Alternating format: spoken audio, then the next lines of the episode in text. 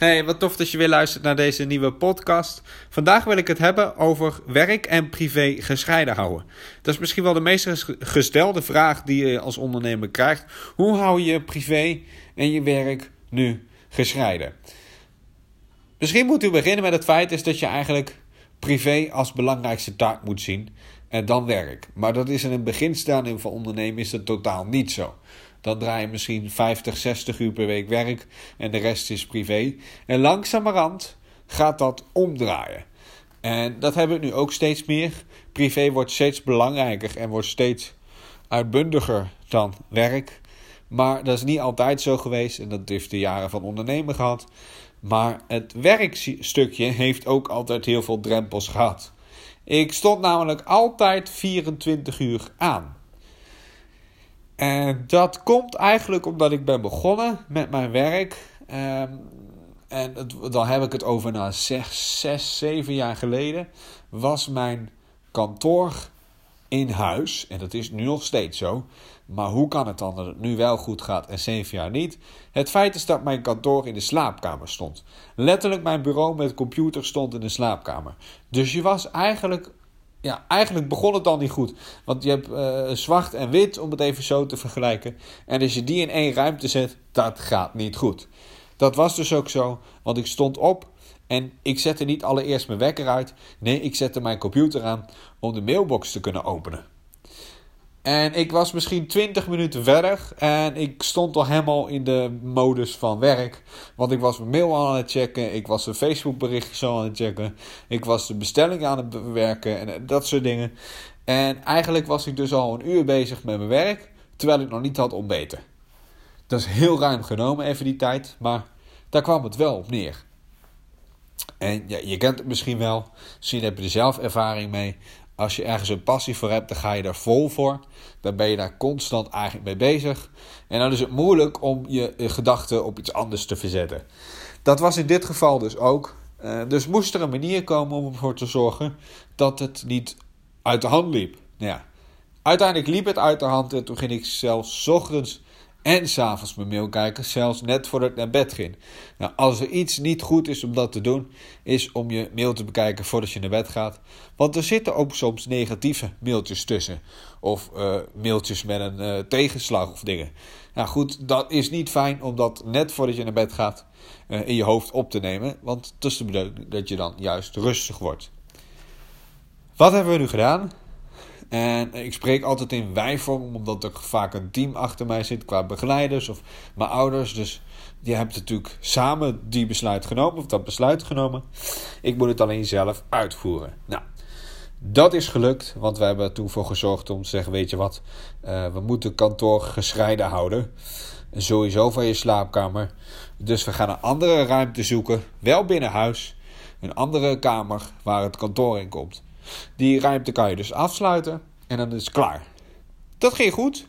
Tot het moment dat ik net al zei, je kan soms heel erg verdiept in een raak onderwerp raken, dat ik besloot om van uh, eh, 5 uur naar 6 uur te gaan werken. Dus ik ging een uur langer werken.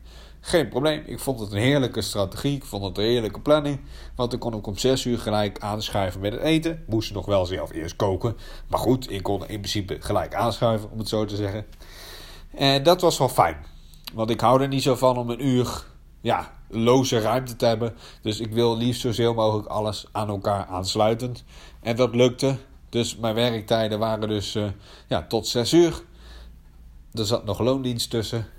Maar het was allemaal wel aansluitend. Maar ja, je, vindt het zo leuk, je werk. En je wil eigenlijk niet zoveel uh, laten liggen voor de volgende dag. Dus toen werd het op een gegeven moment van 6 uur, werd half 7, werd 7 uur.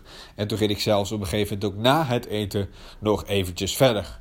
Nou, en dat liep wel een beetje nou, uit de hand, is een groot woord. Maar ja, op een gegeven moment werd het 9 uur, soms zelfs 10 uur voordat ik weer stopte. En uh, ja, dat is gewoon niet fijn.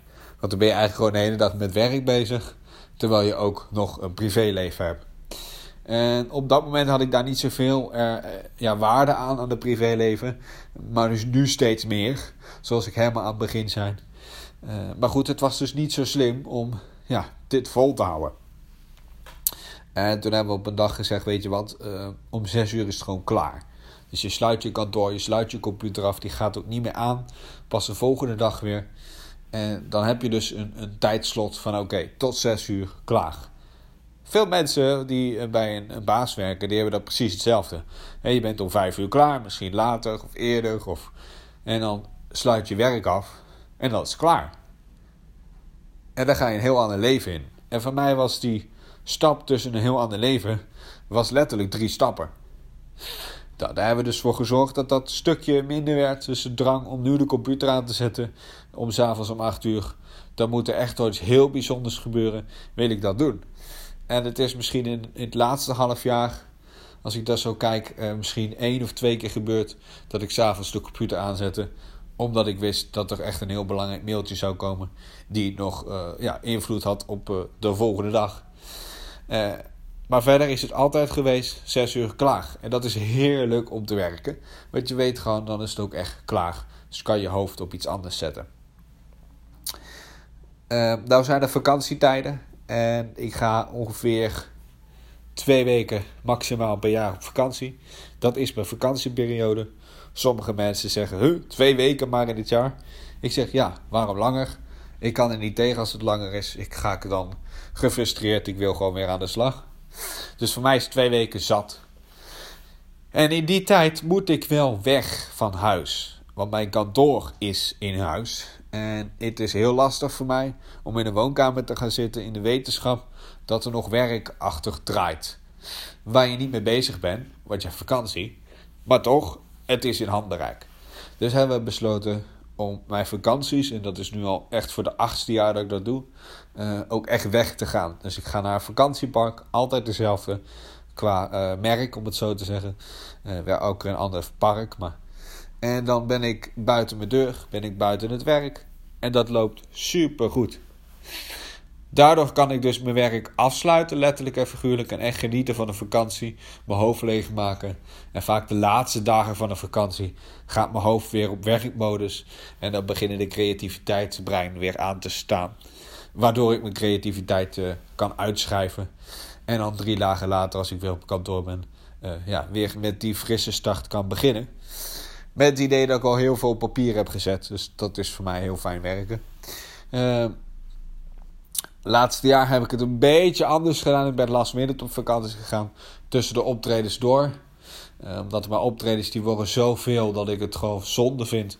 Als ik optredens moet uh, annuleren of moet zeggen: nee, sorry, ik ben al op vakantie. Dus daar heb ik een hele slimme ja, truc voor gebruikt om te zeggen: om uh, tussen de optredens door toch weg te kunnen. En dat is een goede planning maken, maar het is gelukt. Dus dat ga ik dit jaar weer doen. Maar goed, uh, ik weet niet wat, waar ik naartoe wilde leiden. Maar goed, dus even een mededeling denk ik dus tussendoor dan. Uh, maar ja, dat, dat is wel uh, fijn, zo'n zo'n vakantie. En dan ben je even weg en dan kan je overlegen maken. Goed, dat is een beetje dus werk en privé gescheiden houden.